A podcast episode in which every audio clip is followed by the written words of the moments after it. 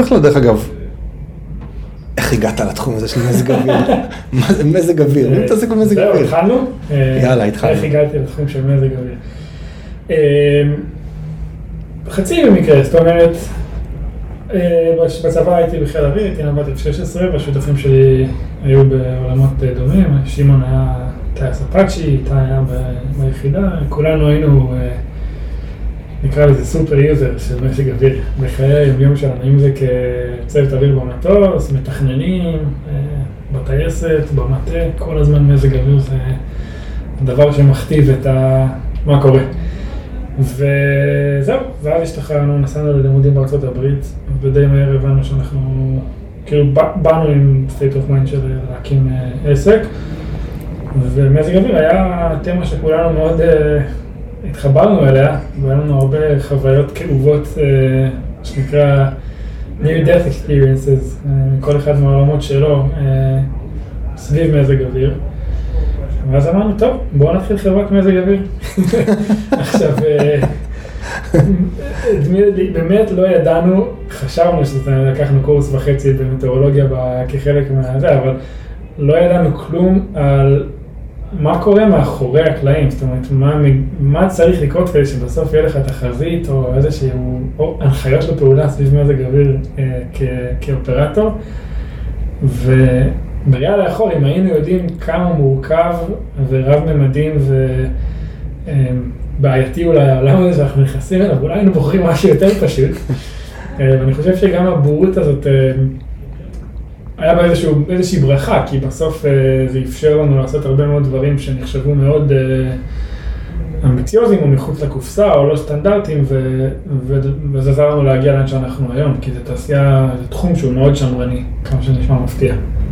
לא מפתיע בכלל, תכף אנחנו הולכים לדבר על לאן הגעתם היום. היום אנחנו הולכים לדבר באופן כללי על מזג אוויר, אבל לא רק, ולכל אוהבי החלל, כי זה הרי פודקאסט על חלל, אל תדאגו, הפרק הזה הוא על האטמוספירה וגם על מה שמעליה, נכון? אתה רוצה להציג את עצמך?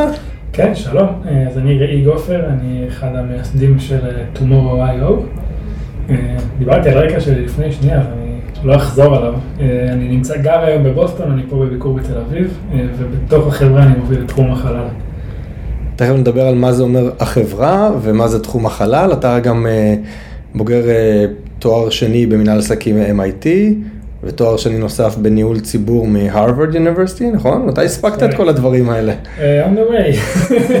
לא, אה, הקמנו את החברה תוך כדי הלימודים, אז התארים, אה, לא היינו הרבה בבית ספר.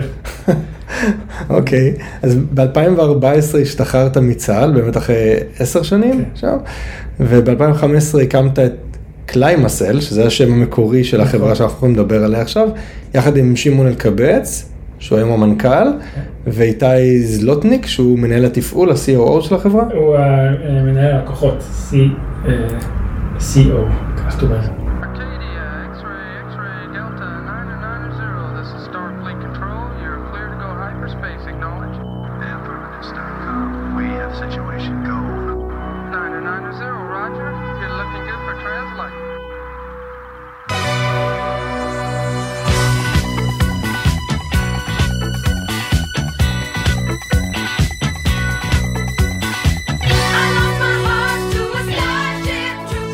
מה היה התהליך שגרם לכם, אחרי השחרור, כן. להחליט שאתם מקימים חברה בתחום הזה? אז, של- אה, ותכף נבין מה זה התחום הזה. כן, אז, אז תהליך הוא, אפשר לפרק את זה, זאת אומרת, קודם כל זה, זה, השתחררנו, איתי השתחרר קצת לפנינו, אבל אה, אה, כולנו באנו ללמוד בארצות הברית, עם איזשהו אה, מנטליות של כאילו, אוקיי, באים לעשות MBA, אבל זה לא בשביל ללכת במסלול ה-MBA של consulting או big tech או finance, אלא לקבל את ה skills ואת ה network בשביל להקים סטארט-אפ. אה, החלטה, בוא נגיד, אה, לא, לא טריוויאלית, כי לא עולה הרבה כסף וזה זמן וכולי, אבל בראייה לאחור כנראה זה עבורנו זה היה נכון. וזהו, ואז אה, די מהר, אני הייתי שם שנה לפני איתי ושמעון, אבל די מהר אחרי שהם עברו, אה, לדעתי שבועיים אחרי שהם התחילו את הלימודים בגדול התיישבנו, אמרנו, טוב, מקימים חברה, ומזג אוויר זה התחום שבו היא תתעסק. כי, אה, כי מה? כי אה, היה לנו באמת, הרגשנו שזה דבר גדול, אה, ויש פה בעיה אמיתית, זאת אומרת, בהתחלה הגענו מהעולם של תעופה צבאית, אמרנו, זה בפני עצמו בעיה גדולה, אבל איך שהתחלנו ככה לנסות להבין מי נגד מי בתחום הזה, אתה פתאום רואה שיש פה בעיה בכמה סדרי גודל יותר משמעותית מהעולם הקטן שממנו אנחנו הגענו. אבל אני, אני, אני הולך ברחוב ופותח את האפליקציה שלי ורואה כן. מה מזג אוויר ואני לא, לא, לא מודע לזה שיש בעיה. נכון. מי, מי, מי, מי הבעיה? לא, מי בכלל התחומים שמזהים בעיה כזאת? אז- אוקיי, טייסים אולי אתה אומר. נכון, אז זה, אפשר לדבר על שני דברים, גם על תחומים וגם על אה, אזורים בעולם. אז דווקא נתחיל, אה, אולי לפני זה אני אסביר ממש ממש בקצרה את, ה, את ה-flow, ה-value chain, ואז תבין למה יש בעיה. אז בגדול מזג אוויר, בכלל חיזוי כדור הארץ, כי מזג אוויר זה הגדרה קצת אה, צרה, היא. מדברת על האטמוספירה, אבל בסוף האטמוספירה והאוקיינוסים מחוברים, והקרחונים, הכל זה מערכות שהן coupled אחת לשנייה מחוברות. אה, כל העולם הזה הוא התחיל, בוא נגיד, אה, בצורה לעבוד באמת בשנות ה-50, כשמחשבים התחילו לרוץ יותר מהר ממה שמזג אוויר בעצמו קרה, ואז הצלחנו להיות מסוגלים לחזות מה יהיה עוד יום, עוד יומיים וכולי. אה, ואם אנחנו מסתכלים בעצם על איך הוא בנוי, אז אפשר לחלק אותו לשלוש תחנות עיקריות. הראשונה זה אובזרבציות, מה קורה כרגע באטמוספירה, באוקיינוסים, טמפרטורה, רוח, לחות, גלים וכולי. אה, זאת התחנה הראשונה. וזה מגיעים, מגיע מכל מיני סוגי instrumentים, תחנות מזג אוויר, אה, מכ"מים, לוויינות. מצופים באוקיינוסים. התחנה הבאה זה מודלים. מודלים זה אה, נשמע לאנשי ה data science וההייטקיסטים כזה, אוקיי, מודל בסדר, מכניסים inputים, עושים איזה אלגוריתם. לא.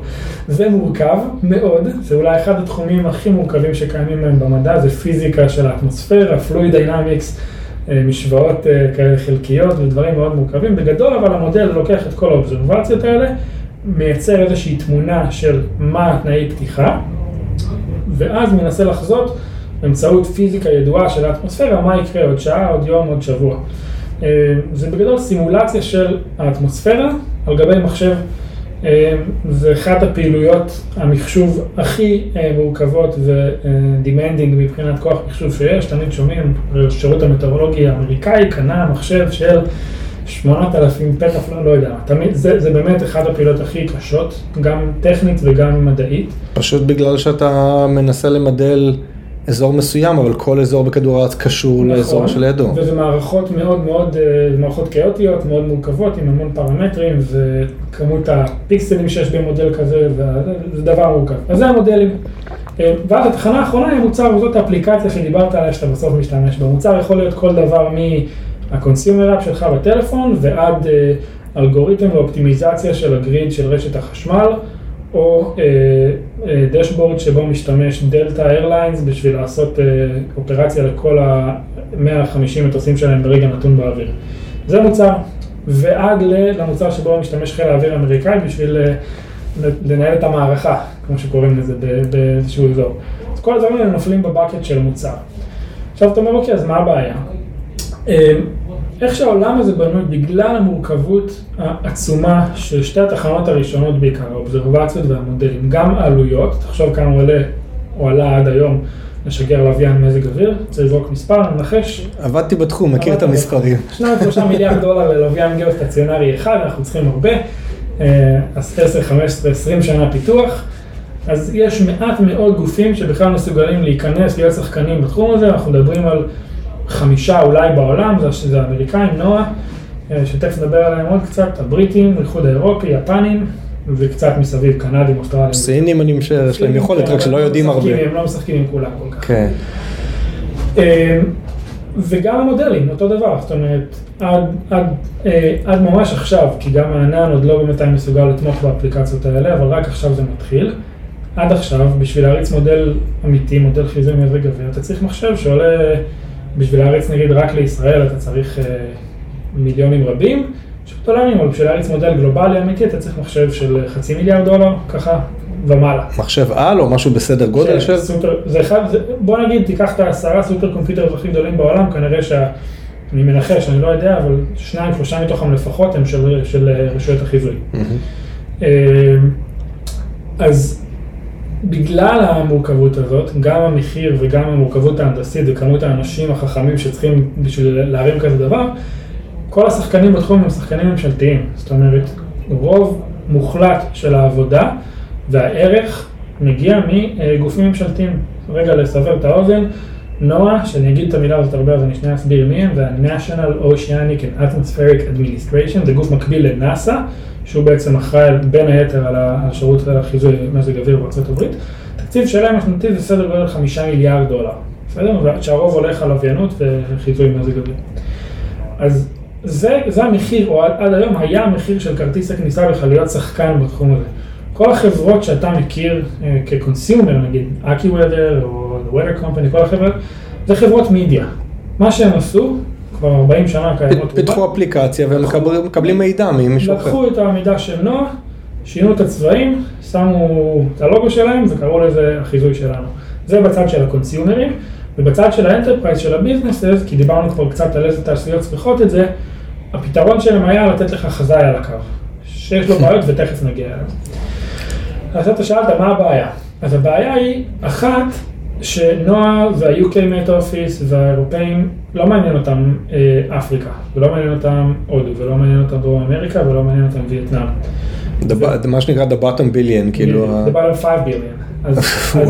מה שיוצא היום זה שבעצם אם תיקח את כל אוכלוסיית העולם, אולי מיליארד וחצי אנשים, נגיד, שניים, שני מיליארד אנשים, חיים באזורים שבהם יש חיזוי מזג אוויר, כמו שאתה רגיל אליו, שיש לך חזאי שאומר מה יהיה התחזית, והיא סבירה פלוס מינוס, האפליקציה היא סבירה פלוס מינוס, אבל יש על מה לסמוך, פחות או יותר.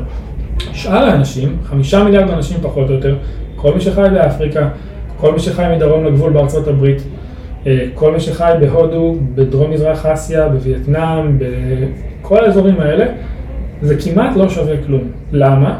כי השירותים המטאורולוגיים במדינות האלה, כמו שאר השירותים הממשלתיים והתשתיות, הם מפגרים ב- בעשרות שנים, זאת אומרת, הפער בהשקעה הוא בערך פי 25 פחות. אה, עכשיו, כשתחשוב, כשאתה חושב על זה, אתה מבין גם שבעצם אנשים שחיים במדינות האלה, הם הרבה יותר תלויים במזג אוויר מאשר אתה ואני. למה? כי רוב, אין להם הגנה פיזית, הם גרים בתנאים פחות טובים מאיתנו. בניינים ראויים, תשתיות בדיוק. ראויות. אה, אין להם הגנה כלכלית, אין ביטוח חקלאי באפריקה. אה, פה חקלאי או בארצות הברית חקלאי יש בצורת, יש ביטוח. או, או הצפה לצורך העניין. אה, רוב הכלכלה שלהם היא על חקלאות, זאת אומרת התלות היא עוד יותר גדולה כי בהודו חצי מהאנשים עוסקים בחקלאות, לא 2% כמו במדינות מתפתחות. והחקלאות שלהם תוסיף על כל זה גם היא יותר תלויה בגשם מאשר ברוב המקומות כי אין השקעה. זאת אומרת, ה- האם והמזג אוויר באזורים טרופיים סביב קו המשווה הוא קיצוני יותר והוא ילך ויעשה קיצוני יותר מבשאר העולם. זאת אומרת, יש פה איזשהו market failure פסיכי שאף אחד לא מבין אותו, רוב האנשים בעולם עדיין, כמו ששאלת עכשיו, מה הבעיה? לא יודעים שזה קיים בכלל, אבל כשיש הצפה פה, אז נכון, קורים אסונות ונדבר גם על זה, אבל זה אסון שאתה שומע עליו והוא מגיע בהודו, כשיש הצפה, זה כבר לא מעניין מרוב שזה אה, בסטנדרט וכמה אנשים מתים מדבר כזה, או מברקים, או מדברים שהם בעיות פתורות כבר.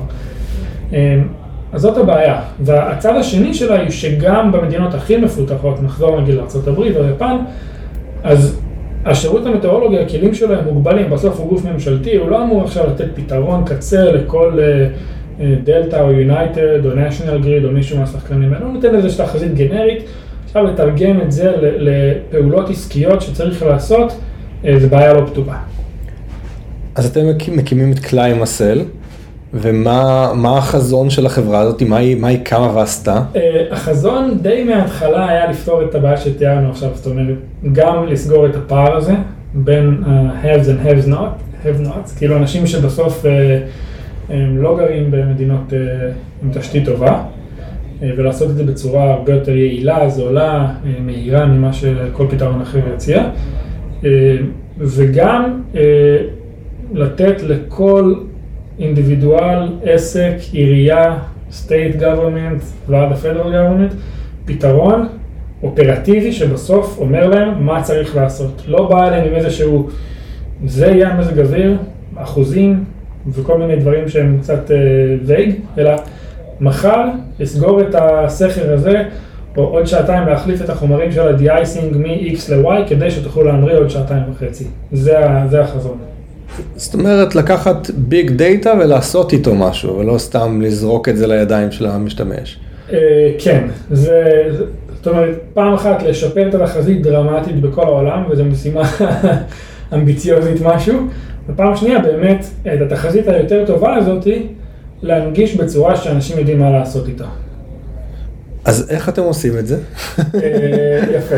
אז איך אנחנו עושים את זה? אז בגדול, דיברתי על שלושת התחנות, האובזרבציות, המודל והמוצר. אנחנו נתחיל דווקא מהסוף, מהמוצר, כי כל הגישה שלנו הולכת בסוף, בוא נבין מי האנשים שיש להם בעיות, איזה עסקים, איזה, באיזה מקומות, מה הם עושים וכולי, ונפתור אחורה מהבעיות שאנחנו רואים. אז אה, יכול להיות שהפתרון הוא בכלל UXי, לקחת מידע שהוא אחלה כבר, פשוט להנגיש אותו בצורה שה user, שהוא לא בהכרח דוקטור במטאורולוגיה, אלא הוא יכול להיות dispatcher של, אה, של חברת תעופה, והוא יושב ב... ב... לא יודע מה, לוגן airport, ועכשיו הוא צריך להחליט אה, איזה מטוסים יעשו טקסי מתי, ואיזה חומרים יהיה במשאיות של ה de-icing וכולי.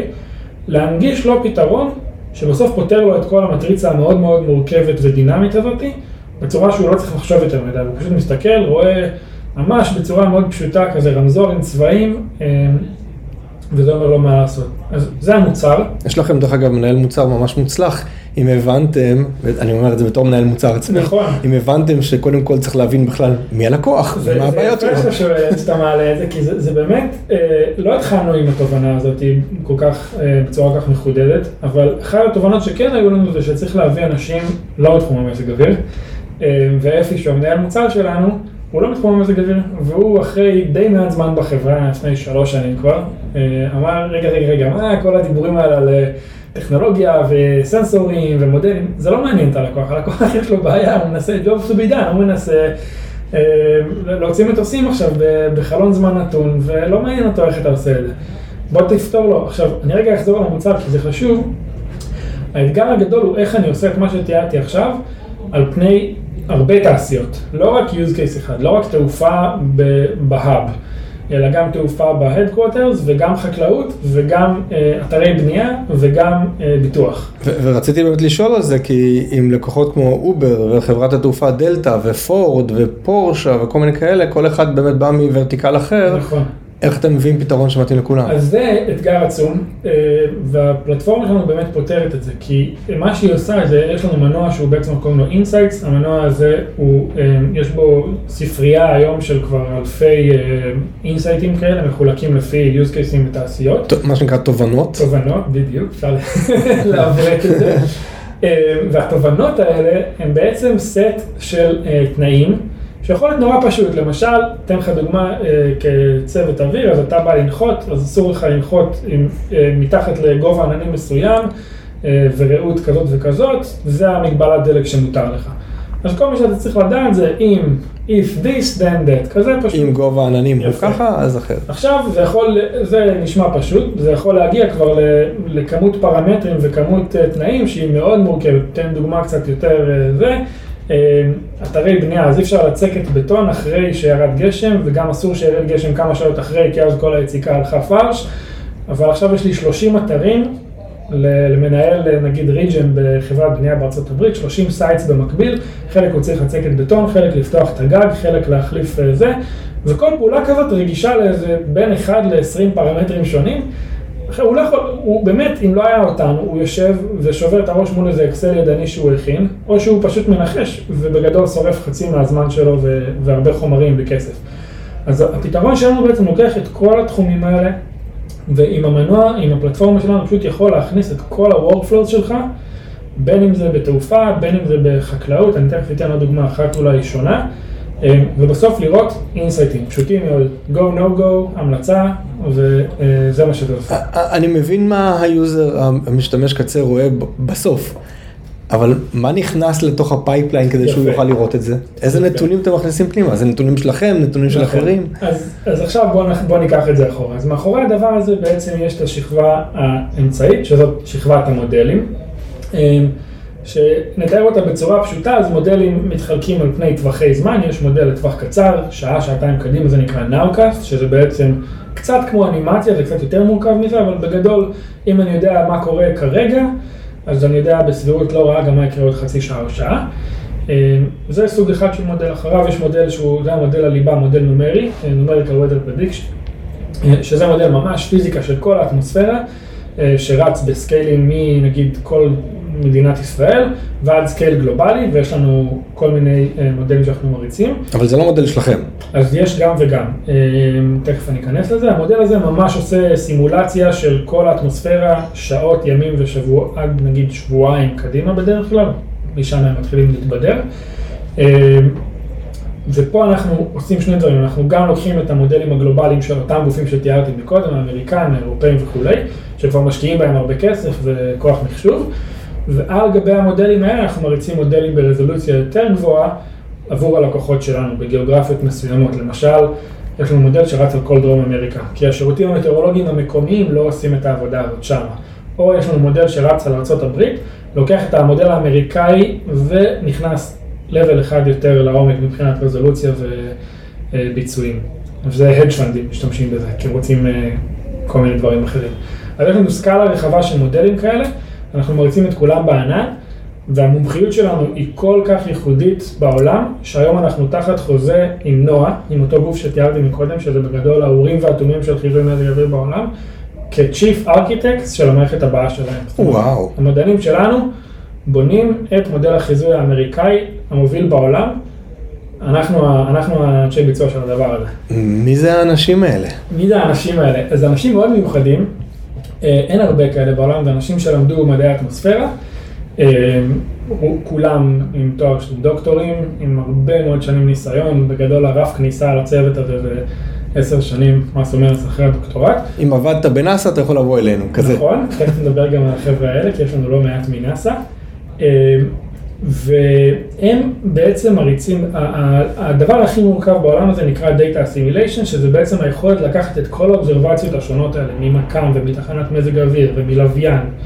כל, כל סנסור כזה בעצם נותן לך פלט מסוג שונה לחלוטין, חלק זה אובזרבציה דיסקרטית נקודתית, חלק זה איזשהו מיפוי של קרינה בתלת מימד, ובסוף לייצר מכל הנתונים האלה תמונה אחת, שאותה מכניסים לתוך המודל, זה על גבול האומנות. מה שתיארתי עכשיו, זה לא data science כזה טריוויאלי, שניקח כמה חבר'ה שלמדו סטטיסטיקה וזה, ועשו קורס ב data science ויאללה קדימה. אין בכלל, זה לא, אין מה להשוות את זה. אה, ויש היום אולי שלושה מרכזים בעולם, בכל העולם, שיודעים לעשות את הדבר הזה כמו שצריך. אחד מהם כמובן בבית דגן אצלנו, לא? לא. סתם. אה, הערכה רבה מאוד ל- לניר סתיו ואנשיו, אבל אה, הם לא, לא מתוקצבים בכלל ל- להתעסק בפעולות בסקאלה הזאת. אה, הם, הם עושים עבודה נהדרת לאדפטציה של המודלים האלה למדינת ישראל ו- וכל מיני fine-tuning, אבל זה לא פעולה שאפשר לעשות עם צוות בגודל הזה ובתקציבים האלה. זה, כן, זה, אני צחקתי כמובן, אנחנו מדברים על נועה, אבל גופים בסדר כן. גודל כזה שעושים כן. את זה. אה, אז זה המודלים, זה מה שנכנס לתוך המוצר. עכשיו, ש- מה נכנס אבל- לתוך המודלים? בדיוק, זה מה צריך שרציתי לעשות. אובזרבציה. יפה. אז עכשיו, אה, אובזרבציות, אז כבר הסברתי קצת איך הן בנויות, אז ברובם הגדול זה, זה Network of Networks, בסדר? תחשוב על זה כ... יש. כל מדינה בעולם, או רוב המדינות בעולם, יש להם איזושהי רשת מקומית של אה, תחנות מזג אוויר. דיברת על בית דגן, אז לבית השירות המטאורולוגי בארץ יש נניח, לא יודע, איזה 20 תחנות שהן ברמת קיול סבירה בכל הארץ, והם משתפים אותם, יש פרוטוקולים של שיתוף פעולה בינלאומי, ומשתפים אותם ב-near real time עם כל העולם. אה, אז זה דבר אחד שנכנס, מדידות קרקעיות. רגע, אבל אה, אה, בוא נתעמק בזה שנייה. משתפים אותם, זה מה? זה כל בן אדם יכול לבוא ולקבל את המידע, או אתם צריכים ללכת ולחתום חוזה עם גוף כזה? אז אנחנו יכולים לדבר על זה שעות, אנחנו לא נעשה את זה, אבל. בקצרה, יש פרוטוקולים של שיתוף פעולה, אה, יש גוף שנקרא WMO, שזה ה-World Meteorological Organization, שזה גוף של האו"ם, אגב, זה הגוף של האו"ם, שיש בו את הכי הרבה member states, זאת אומרת, מזג אוויר, דיברנו על סין מקודם, זה התחום שבו הכי הרבה מדינות הסכימו לשתף פעולה ביניהן. למה? כי זה משפיע על כולם ביחד, זה- יש פה איזה מסר אופטימי לעתיד לגבי climate change וכולי. חיל האוויר האמריקאי והנייבי האמריקאי היום מכניס דאטה מלוויינים סינים, בסדר? זאת אומרת, יש באמת שיתוף פעולה אמיתי אה. בין המון המון המון מדינות, וה-WMO, כל מי שרוצה להיות חבר בו, ויש סיבה טובה להיות חבר, כי אתה מקבל את אותם מודלים של הגופים הגדולים, ואתה מקבל תמיכה וסטנדרטיזציה והרבה דברים, והדמי כניסה זה, אוקיי, אתה צריך לשתף את המידע שלך, ברמה כזאת או אחרת. לא לכולם עושים את זה, וזה לא שחור ולבן, אבל בגדול. אז ה baseline הוא baseline מדינתי, אה, יש networks בכל העולם של גופים ממשלתיים, אה, שאפשר לחלק אותו לתחנות על הקרקע, מכ"מים, שזה יש במעט מדינות, נניח המכ"ם בארץ עובד חצי מהזמן בערך, בימי שמש בעיקר. אה, שלא יירטב, חס וחלילה. כן, בדיוק. ולוויינות שבאמת זה ממספר מאוד מצומצם של מדינות. אירופאים, אמריקאים, קצת יפנים. הודים קצת אין- קנדים. הודים אין להם? הודים קצת, לא הרבה, יש להם לוויין או שניים, אה, ממוקדים על האזור שלהם. אה, ועל הדבר הזה יש את השוק הפרטי שמתחיל לקרות, אז דיברנו קודם על זה שפעם זה היה נורא נורא יקר, ואף אחד אפילו לא חשב להתחיל לפרוס תחנות או מכ"מים או משהו כזה מעצמו. אה, ומה שקורה היום זה שחברות פרטיות נכנסות לתחום הזה, כי הן אומרות, אם יהיה לי דאטה יותר טוב, אני אוכל להריץ אולי מודלים יותר טובים, או אני אמכור את זה לאנשים וזה, וכולי וכולי. זה לא כל כך פשוט כמו שזה נשמע, אה, ופה אנחנו בעצם אה, מדברים על האלמנט השלישי של החברה שהוא החלל. לקח לנו די הרבה זמן להגיע לחלל, אבל הגענו. אה, אז בואו נדבר על החלל. אתם השנה הודעתם בעצם על איזשהו פרויקט שאתם קוראים לו Operation Tomorrow Space, שזה בעצם פרויקט חדש שעליו אתה אמון, וגם שיניתם את השם של החברה. ל-Tomorrow. מה עמד מאחורי זה דרך אגב? אה, השם קליימוסל היה קצת אה, מגביל ומוגבל. אה, התחיל מאיזו טכנולוגיה שהתעסקנו בה בתחילת הדרך של החברה, שכבר פחות מתעסקים איתה, אבל רצינו שם שהוא הרבה יותר open-ended והרבה יותר אינספיריישנל, מהמם. ולקח זמן עד שמצאנו את השם הנכון, אבל כשטומורו עלה זה היה כאילו אהה מומנט כזה. כש-Tomorrow.io היה פנוי, זה בכלל היה. אה, כן. אה, גם על זה אפשר לדבר הרבה, אבל לא נכון. משנה. אה, אז זהו, זה היה מין רגע כזה של כאילו, או, יא, כאילו, זה זה. וזהו, ו- וזה למה שינינו את השם. אה, אז מה זה, Tomorrow לעומת קליימסל עכשיו? זו חברה יותר אה, רחבה, זו אותה חברה, אבל הסקופ שלנו פשוט גדל כל כך הרבה שהרגשנו צורך אה, להתאים את השם לסקופ הגדל, ever growing. אז בואו נדבר על החלל. אה, יאללה. שזה התכנסנו. נכון. אז למה בעצם חברת תוכנה שמתעסקת בחיזוי מזג אוויר אומרת, "מ, בוא נשלח לוויינים והופכת להיות חברת חומרה גם. ולהיכנס לתחום החומרה, וה, והחלל, אימא'לה. שני תחומים קלים ונעימים. אז זה, זה מגיע מאותו מקום של, אוקיי, המודלים הם המודלים, אבל בסוף garbage in, garbage out, כאילו אם האובזרבציות הן בעייתיות, המודל can only do so much לפני שהוא מתפרק, ובעצם אה, מתחיל לתת שטויות, כי הוא לא יודע מה קורה. אה, אז אחד הפערים הכי גדולים, אולי הכי גדול של אובזרבציות, יש הרבה פערים, טמפרטורה ולחות ולחץ וכל מיני פרמטרים, אבל המורכב שבהם והכי רחוק מפתרון הוא משקעים, גשם. אה, למה? כי גשם נורא קשה למדוד, אני צריך אה, מדי גשם כאלה על הקרקע וקשה לתחזק אותם. אם אני אקח את כל מדי הגשם בכדור הארץ, הכוסות האלה, הקדים. לחבר אותם ביחד זה פחות או יותר מגרש פוטבול, זה השטח שמכוסה אה, מצד אחד. מצד שני, לגשם יש השפעה עצומה גם על החיים שלנו, זאת אומרת זה, זה פרמטר שהוא נורא מורגש. אה, וגם באופן כללי המחזור המים, ה-water cycle הוא אחד ה... ממש הליבה של ההבנה שלנו את האטמוספירה ואת האקלים.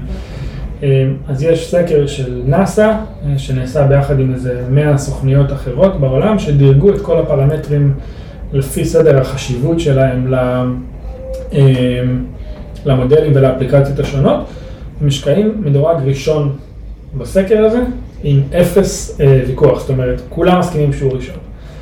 אה, למה זה כל כך קשה למדוד את זה? הסברתי, כי ב-in situ במדי גשם זה אי אפשר לפרוס אה, אלפים, וגם אם נצליח, אז יחסר רק את אה, אה, היבשה. הדבר הבא אחרי זה זה מכ"מים, אבל מכ"ם זה יקר, מורכב מאוד לתפעל, אפילו מדינה מתקדמת כמו ישראל עם אה, אה. start-up nation, המכ"ם פה עובד אה, חצי מהשנה, פחות או יותר. זה מצחיק שאתה אומר שזה מורכב וקשה לתפעל, כי תכף נדבר על המכ"ם שלכם. נכון. אה, ו, ולכן בשאר העולם אין מכ"מים, זאת אומרת, דיברתי מקודם על הפער בין המדינות המפותחות למתפתחות, אז בגדול אם אני אראה לך מפה של מכ"מים בכל העולם, תראה שזה מכסה את ארה"ב, מערב אירופה, יפן, קוסטל אוסטרליה, בגדול זהו.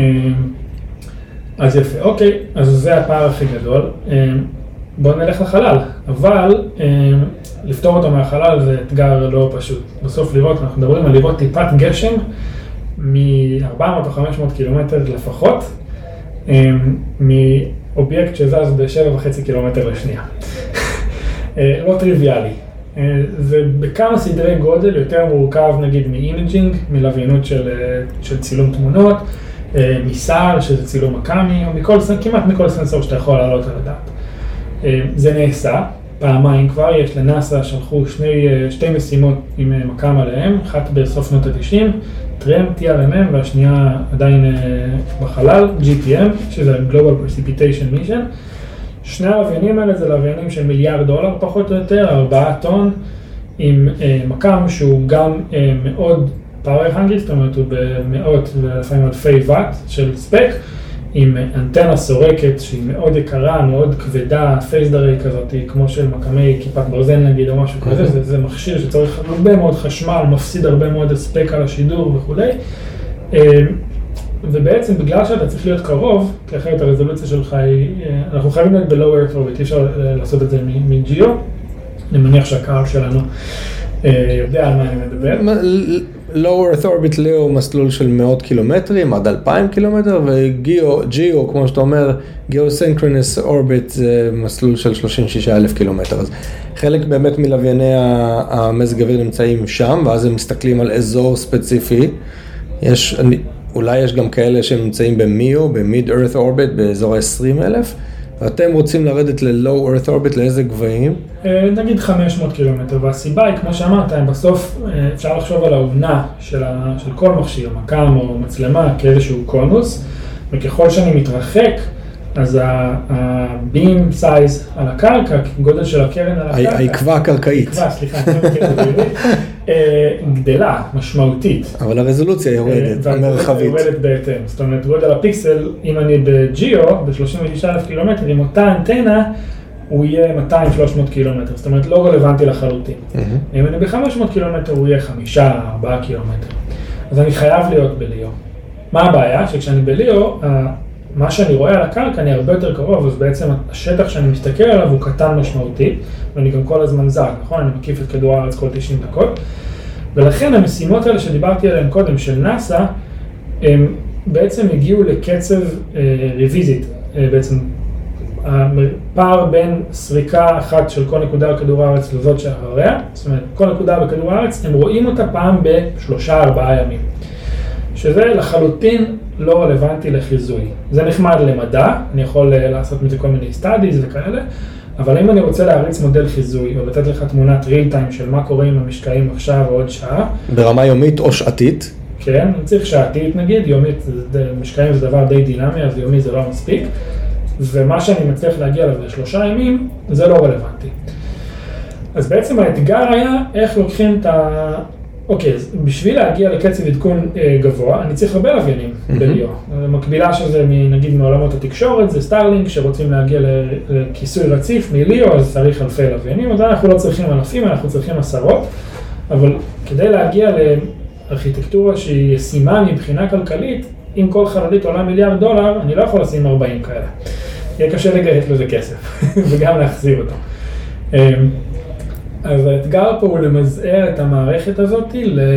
זה שני סדרי גודל אנחנו מדברים, מ-4 טון לסדר גודל נגיד 100 קילו. אה, קי לוויין של 100 קילו עם השיגור וכולי, אנחנו מדברים על אזור ה-5 מיליון דולר ליחידה, קצת פחות, קצת יותר, ואז בעצם אם אני צריך להביא נגיד 30 כאלה או 40 לחלל, זה כבר נהיה אה, ישים. מהמם. וזה גם נהיה כלכלי, כי רק שנייה להבין, מערכת קרקעית רק לארה"ב, מערכת המכ"מים של ארה"ב, שמכסה רק את קונטיננטל US, שלושה וחצי מיליארד דולר. וואו. אז אם אנחנו אומרים, רגע, בשביל לכסות את כל כדור הארץ, נכון, זה לא בדיוק אותם ביצועים, אבל זה... מה זה כל כדור הארץ? כל זה- כדור זה מס- הארץ, מקוטב לקוטב. אה, מסלול פולארי? כן? שילוב של מסלולים פולאריים ומסלולים ב inclination יותר נמוך. מהמם.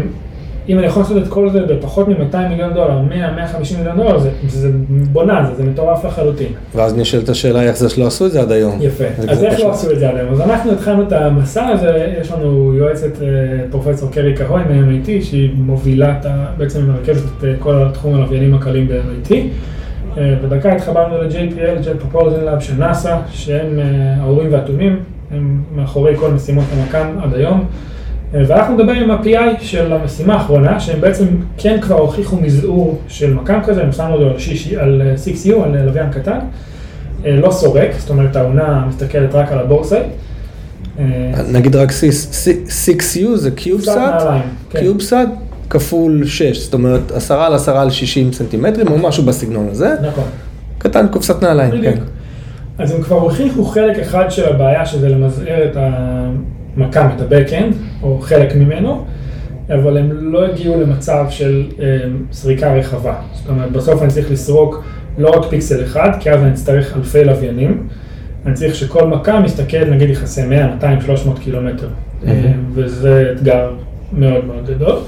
אז הלכנו אליהם ואמרנו, טוב חבר'ה, בואו, אה, אנחנו רוצים לעשות את זה, ואיך איך אפשר, ובואו כאילו נעשה איזושהי עבודה משותפת ונממן וזה. אמרו לו, תקשיבו, אין לנו מושג. כאילו, יש פה איזשהו אה, אתגר שעוד לא פתרנו, זה JPL אמרו? ו-JPL אמרו. וואו. אה, וכש-JPL אומרים לך דבר כזה, אתה אומר, טוב, כאילו, אוקיי, רוד בלוק, אין מה לעשות. אה, אז דיברתי מקודם על היותנו ישראלים בורים וחצופים, ואמרנו, אחלה, challenge accepted, כאילו. אתם לא מצאתם, אבל בטוח אפשר. אה, ואז באמת התחלנו חריש מאוד עמוק, כולל לדבר עם כל החברות פה בארץ. אה, הבנו מה בעצם הקומפוננטות שצריך, צריך מקם מסוים, אנטנה מסוים וכולי. אה, אני לא אכנס לאיך אנחנו עושים את זה, כי זה קצת סיקרט סוס. מה זאת אומרת? אז למה באתי פה? אני אסביר קצת. טוב. סקופ. כן. יש לנו בעצם ארכיטקטורה שמאפשרת להגיע לביצועים טובים משל ה-GPM, זאת אומרת מבחינת הרגישות של הסריקה ב-DBZ בעצם מה המשקעים, מה עוצמת המשקעים הכי נמוכה שאנחנו יכולים לראות, אה, מבחינת גודל הפיקסל, אה, פי שלוש כמעט ברוחב סריקה. ממערכת שהיא, כמו שאמרתי מקודם, אה, פחות מ-10% בגודל, יותר לכיוון ה-5% או 3% נגיד. וכמה כמה אחוז בעלות? גם. אה, בהתאם. בסדרי זאת גודל. אומרת, אה, מקם לוויין של 100, 100 קילו, נגיד, אה, תעשו באינטרנט חיפוש, זה מיליונים ספורים, ושיגור עולה נגיד מיליון דולר, וזה גם יורד כבר, זה, זה ה... איך אנחנו עושים את זה? אז בלי להיכנס לדברים סודיים, אבל יש אה, Software Defined בבקאנד, וזו חברה שקנינו, שכבר התחלנו בעצם את העבודה איתם, כי זיהינו שהם מומחים עולמיים בתחום, ו-JPL בעצמם קנו מהם מערכות. אה, ומערכת שלהם טסה היום על המטוסי הוריקנים של, של נועה ונאסא, כאילו בתוך ההוריקנים עם אותו מקם, אבל מהאוויר, לא מהחלל. חברה אמריקאית. חברה אמריקאית, שלמזלנו גם גרים קרוב אלינו בקייפ קוד. אה, והם בעצם הביאו את הטכנולוגיה של המקם, של ה-Backend, אה, עם עוד טכנולוגיה של אנטנה שאליה אני לא אכנס, שמאפשרת סריקה.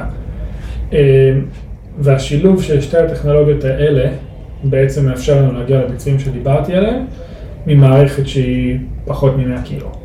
כולל הלוויין, כולל כאילו החללית עצמה.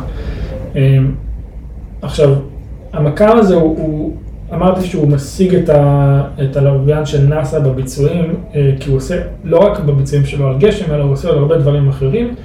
הוא software defined, אז אנחנו יכולים להמיר אותו ממקם גשם למקם רוח, אה, לראות גובה גלים, לראות כל מיני פרמטרים שהם מבחינת המטאורולוגים הם, הם golden gray, כאילו, ש- מה זה אומר? זה אומר שהוא משדר באורכי גל שונים? אה, האורך גל לא משתנה, אה, אנחנו עובדים ב-KA band, אה, 35 גיגה הרץ פחות או יותר. אה, הפולריזציה משתנה? משהו צריך להשתנות אה, כדי... כן, גם, נכון, אז גם הפולריזציה משתנה וגם בעצם ה- הרטרי- זאת אומרת ה-Backend, איך אנחנו מנתחים את זה גם משתנה. מה הסריקה עושה, מה הפאטרן סריקה, אה, יש לך איזשהו bandwidth, אז מה אתה עושה בתוכו, אה, ושאר הדברים הם, אה, לא אכנס אליהם. IP שלכם. בדיוק, אבל suffice to say שהוא בעצם יכול לעשות אה, הרבה מעל מה שהמקם הממוצע, אה, נגיד, יכול לעשות. אה, שאותם מכ"מים ממוצעים גם כבר ישנים, מן הסתם. אלה שבחלל. זה זה חלק מהעניין, זאת אומרת GPM הזה שהוא היום על ה... זה התחילו לתכנן אותו בסוף שנות ה... תחילת שנות ה-2000 נגיד, 20 שנה כבר. אז זהו, אז אנחנו, אה, היום יש צוות של נגיד 30 ומשהו אנשים שכבר עובדי חברה, אה, חלקם הגיעו מהחברה שקנינו, חלקם באנשים שהעסקנו, המהנדס הראשי הגיע מבלק סקאי, דיברנו על נאסא מקודם, אז יום אחרי שיצאנו לעיתונות עם הדבר הזה, קיבלנו אינבאונדס, בקשות עבודה, מה uh, up and coming uh, PIs ב-JPL ובגודארד, שזה המרכז השני של נאסא, שהם עושים את ה-retrieval, זאת אומרת את האלגוריתמיקה, שאמרו לנו כאילו, וזה אנשים שאתה אומר, אתה, אתה בפאקינג כאילו אמצע של הדבר הזה בכל העולם, במקום הכי טוב, ואתה רוצה לבוא לעבוד אצלי? כן, והוא אומר לך, תראה, אז אה, הם לא עושים, זאת אומרת, אתם רצים בקצב אחר, ואני לא יכול להיות במקום שהוא מאחורה. ה-PI רק נגיד principal investigator זה בדרך כלל איזשהו מדען ראשי כזה, כן, זה חבר'ה- איש תוכן כאילו. ממש, כן, זה חבר'ה עם, רקע ורמת אה, בינה לא סבירה בעליל, אה, שעכשיו עובדים בשבילך. שעכשיו עובדים אה, על המשימה הזאת, לא להגיד כ- בשבילי. כמה אנשים אתם בחברה? 170. שכמה בארצות הברית וכמה בישראל יש עוד משרדים? אה, בערך 50 בארץ, קצת ב... יש לנו קצת בהודו ובעוד כל מיני מקומות, אה, ושאר בארצות הברית. אוקיי. ואז ב- באוקטובר 2021, אני אומר באוקטובר כי אני לא יודע מתי אנשים ישמעו את השידור הזה, כן. יכול להיות שישמעו אותו בנובמבר, אז אני לא אגיד עכשיו, החודש, אבל באוקטובר 2021 זכיתם במכרז של חיל האוויר האמריקני, בשווי של 19.3 מיליון דולר, לפתח ולפרוס מערך של ארבעה לוויינים עם המכ"מים שלכם. נכון. איך קרה כזה דבר? אה, לא, לא בנס, אז מערכת יחסים עם חיל האוויר האמריקאי התחילה כבר לפני כמעט שלוש שנים. אה, בהתחלה עשינו פרויקט שנקרא SBIR, שזה, מי שלא מכיר, זה Small Business Innovation Research, זו תוכנית שקיימת כבר עשרות שנים, אבל בגדול ככה חברות תוך, אה, טכנולוגיה בראשית דרכן מתחילות את הדרך שלהם עם, ה, עם הממשל הפדרלי בארצות הברית. יכול להיות DOD, יכול להיות שחקנים אחרים. אז זכינו בכמה SBIRים כאלה, סביב התוכנה שלנו, שתיארתי בהתחלה, אה, והם עפו על זה. כי אתה מסתכל על הדשבורד שיש לחיל האוויר האמריקאי הגדול, וזה, אגב, רוצה לנחש כמה אנשי מזג אוויר יש בחיל האוויר האמריקאי? אה, אני אנחש 5,000. אה, קרוב 3,000. וואלה. אבל זה... זה סתם מספר- קפצתי, כן, כן. זה מספר פסיכי. נכון. כי בארץ יש נגיד שניים, או סתם, משהו כמו עשרה. אה, ואין שום גוף חיזוי בעולם עם מספר שמתקרב אפילו למספר הזה. אה, וזה פשוט מטורף. כאילו, זה, תחשוב, יש להם אופרציה בכל חור בעולם, והם מאוד רגישים למזג אוויר. אז כשהם אמרו לנו, כאילו, מה שאתם עושים זה מטורף, והדשבורד שלכם, אנחנו רוצים אותו בכל התחנות קצה שלנו וכולי, זה כאילו אמרנו, אוקיי, קול, יש פה שותף אמיתי. אה, ומשם התחילה להתגלגל מערכת יחסים, ואז כשהתחלנו לעבוד על הלוויינים, אז התחלנו לדבר איתם. המדען הראשי של, אה, של מזג אוויר בארצות הברית, של, של חיל האוויר, אמר לי, בואנה, על זה עשיתי את הדוקטורט שלי לפני 30 שנה, לא מאמין שאתם הולכים לעשות את זה. אה, ובאמת מצאנו שותף אמיתי, ו- והם גם פשוט באמת, זה משפיע על כל דבר שהם עושים. ממשימות אה, ISR, מה שנקרא, של אה, צילום וכל מיני מודיעין. דרך, הם גם נותנים את החיזוי ל Army, אז כל חייל על הקרקע, אם הקרקע רטובה או לא רטובה, זה, דרמה, זה הבדל דרמטי. אה, כל פעילות שאתה יכול לחשוב עליה, תתחיל לדבר איתי על hypersonic flights וכל מיני דברים כאלה, שאם נכנס לגשם הכל מתפוצץ. באמת דרמטי, ואין שום פתרון. אין שום דבר שאפילו מתקרב לזה. רגע, זה מכרז שהיה פתוח ואתם זכיתם בו אה, כנגד בואינג ולוקהיד מרטין? לא, או- זה, זה סוג של אה, מה שנקרא unsolicited, זאת אומרת, תבוא אלינו, אנחנו פתוחים לקבל הצעות, אה, אבל אתה צריך למצוא מישהו שרוצה לשלם על זה. והם אהבו את ההצעה שלכם. הם אהבו את ההצעה, זה היה מלחמה ארוכה, אה, זה לא כזה טריוויאלי, גם חוזה ארוך ומורכב, אבל מה שחשוב אגב בחוזה הזה זה לא רק הכסף עכשיו ובוא תדגים, אלא האמירה שהיא בתוך החוזה, של כשזה יעבוד, אנחנו רוצים לקנות דאטה ב subscription, ויש לנו איתם, אתה יודע, שיחה, בוא נגיד, לא פורמלית על, על הסכומים, אבל זה, זה בעשרות מיליוני דולרים לשנה, כי שוב, האלטרנטיבה עבורם זה, זה מכ"ם של מיליארד דולר, אחד נותן לו פעם בשלושה ימים, אני בא אליו עם subscription שהוא לא צריך לדאוג לכלום, הוא לא צריך להגיע להתעסק עם ה downlinking, הכל מוכן בכל העולם פעם בשעה. חברת SAS, שזה בעצם Software as a Service, שזה בעצם בעולם החלל הרבה מאוד שנים עבדו על Hardware ועל אני, בוא אני אבנה לך לוויין, ובשנים האחרונות התחילו להבין שלא, תובנה, רואים את זה כשמסתכלים על שוק החלל, שהסרוויסס הוא שוק עצום, החברות שנותנות שירותים, שירותי תוכנה מהחלל, הוא שוק עצום והולך וגדל, ואתם השכלתם להיכנס מהכיוון לשם. ההפוך, אז אנחנו, כן. אחד הדברים שאגב משכו הרבה אנשים, כי באמת באו אלינו חבר'ה שעזבו את BlackSky ו Rocket Lab ומי שאתה לא רוצה, Spire, באמת כל החברות כאילו ה-up and coming בזה, ומה שכולם אומרים, וכאילו, זו החברה הראשונה שנכנסת לתחום הזה, אתם הפוך לתנועה, זאת אומרת כולם זה אנשי סנסורים שהלכו, מצאו איזה סנסור, אמרו מגניב, בוא נשים אותו בחלל, ונפתור את ה... מי יעשה איתו מה אחר כך, כאילו זה פחות חשוב. ואנחנו... אה, כי לא היה להם מנהל מוצר טוב. נכון, לא, כי הם לא אנשי מוצר, כי הם אנשי סנסורים. כן. ואנחנו ב-180 מעלות, כי אנחנו באנו עם דומיין אקספרטיז, עם מוצר סאסי בשל כבר שמשרת מאות לקוחות, ועם תובנה מוגדרת של בעיה מאוד ספציפית שאפשר לפתור מהחלל. ודרך זה נכנסנו, וראינו שאף אחד לא עושה את זה, אין שום שותף שיכול לקחת אותנו לשם, אז אמרנו, טוב, בוא נעשה את זה בעצמנו, אבל לא באנו כאילו, space is cool, כאילו, let's do it, אלא באמת יש בעיה שצריך לפתור, והחלל הוא הפתרון, אבל it's, it's a means to an end. וגם, וגם הצגתם עוד פתרון קודם לכן, בעצם, נכון? נתתם כבר שירות להרבה חברות, יש לכם לקוחות, ואז באתם ואמרתם, בין היתר, למה שאני אכניס מידע ל pipeline שלי מלוויינים של אחרים, כשהלווי, כשהמידע הזה גם לא נותן לי את כל השירות שהייתי רוצה לתת. בדיוק. אז אני אייצר לעצמי את המידע. אגב, יש כמה שחקנים של uh, New Space שעושים מזג אוויר, הם, הם, uh, יש להם סנסור אחר לחלוטין, RO, לא ניכנס כרגע ל... אבל הסנסור הזה הוא דרמטית פחות אימפקטפול ממה שאנחנו עושים, זה קצת כמו להשוות אה, אופניים ללמבורגיני, והם כולם באו אלינו למכור לנו את הדאטה שלהם, וכשהתחלנו אמרנו, איזה ביזנס מודל דפוק, אתם הולכים, מקימים חברה, כל הטררם שלכם לפתוח לוויינים לחלל, בסוף, בשביל שאני אהיה הלקוח שלכם ומסתכל על הדאטה שלכם ומזיז את המודל באחוז וחצי, לא שווה לי את הכסף בכלל.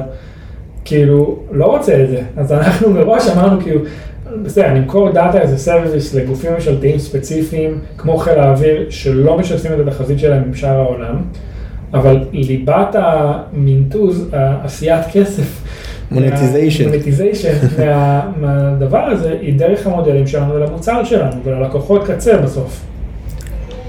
אז הדיל עם חיל האוויר האמריקאי, לפי מה שאני מבין כרגע, ארבעה לוויינים, ששניים מהם כבר אמורים להיות בחלל בסוף שנה הבאה, סוף 2022, שהם אמורים להיות בעצם מדגימים של הטכנולוגיה, ואחרי זה יש לכם, הקונסטלציה אמורה מתישהו לגדול ל-30 ומשהו?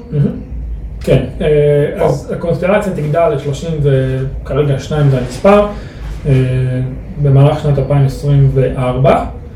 אה, והמספר הזה הוא יכול להשתנות, כי פתאום יכול להיות שנבין שהדימנד ל-revisit rate גדול יותר, כי כבר יש כל מיני לקוחות שאמרו לנו, אנחנו נשמח גם ל-15 דקות. צריך שנייה להבין את ה-willingness to pay לעומת העלות, אבל זה לא מספר סופי, סופני, זה איזשהו baseline. אה, אבל שוב, כמו שאמרתי, המשחק פה מול חיל האוויר הוא בעצם למכור את זה כשירות אחר כך בדמי מנוי שנתיים אה, לחיל האוויר, לנייבי, לארמי, לנועה, לנאסא, לכל הגופים האלה. אל תשכח להגיד להם שזה מתחדש אוטומטית. חמש שנים עם אה, אוטו רידואל. עכשיו, בהתחלה חשבתי לעצמי, אמרתי, אני אשאל אותך מה היתרון בלבנות את הלוויינים בעצמך ולא להשתמש בלוויינים הקיימים, הסברת את זה כבר, ועכשיו הייתה לי תובנה תוך כדי, שגם לא יכולים לסגור לך את השלטר, כי אם הלוויינים הם שלך, אז אתה בעל השלטר, שזה נכון. זה נפלא. נכון. זה לבד אה, יתרון ממש ממש גדול. אמ, אמרת שהעלות של כל הדבר הזה הולכת להיות משהו כמו 150 מיליון דולר, אז זרקת חמישה, חמישה מיליון דולר ללוויין, 30 ומשהו לוויינים, בין 150 ל-200 מיליון דולר.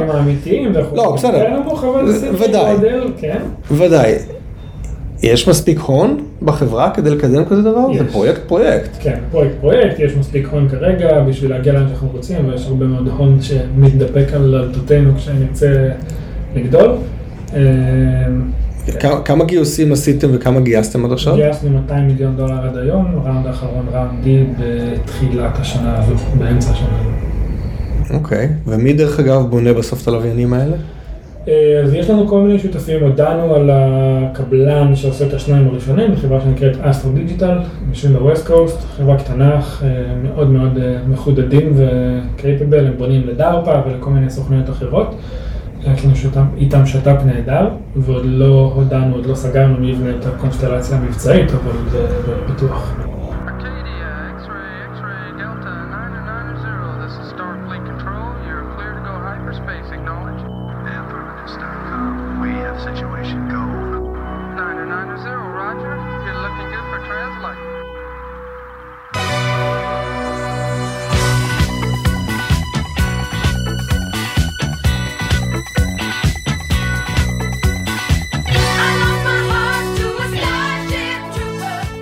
החזון של טומורו? איפה, איפה אתה רואה אתכם בעוד עשר שנים?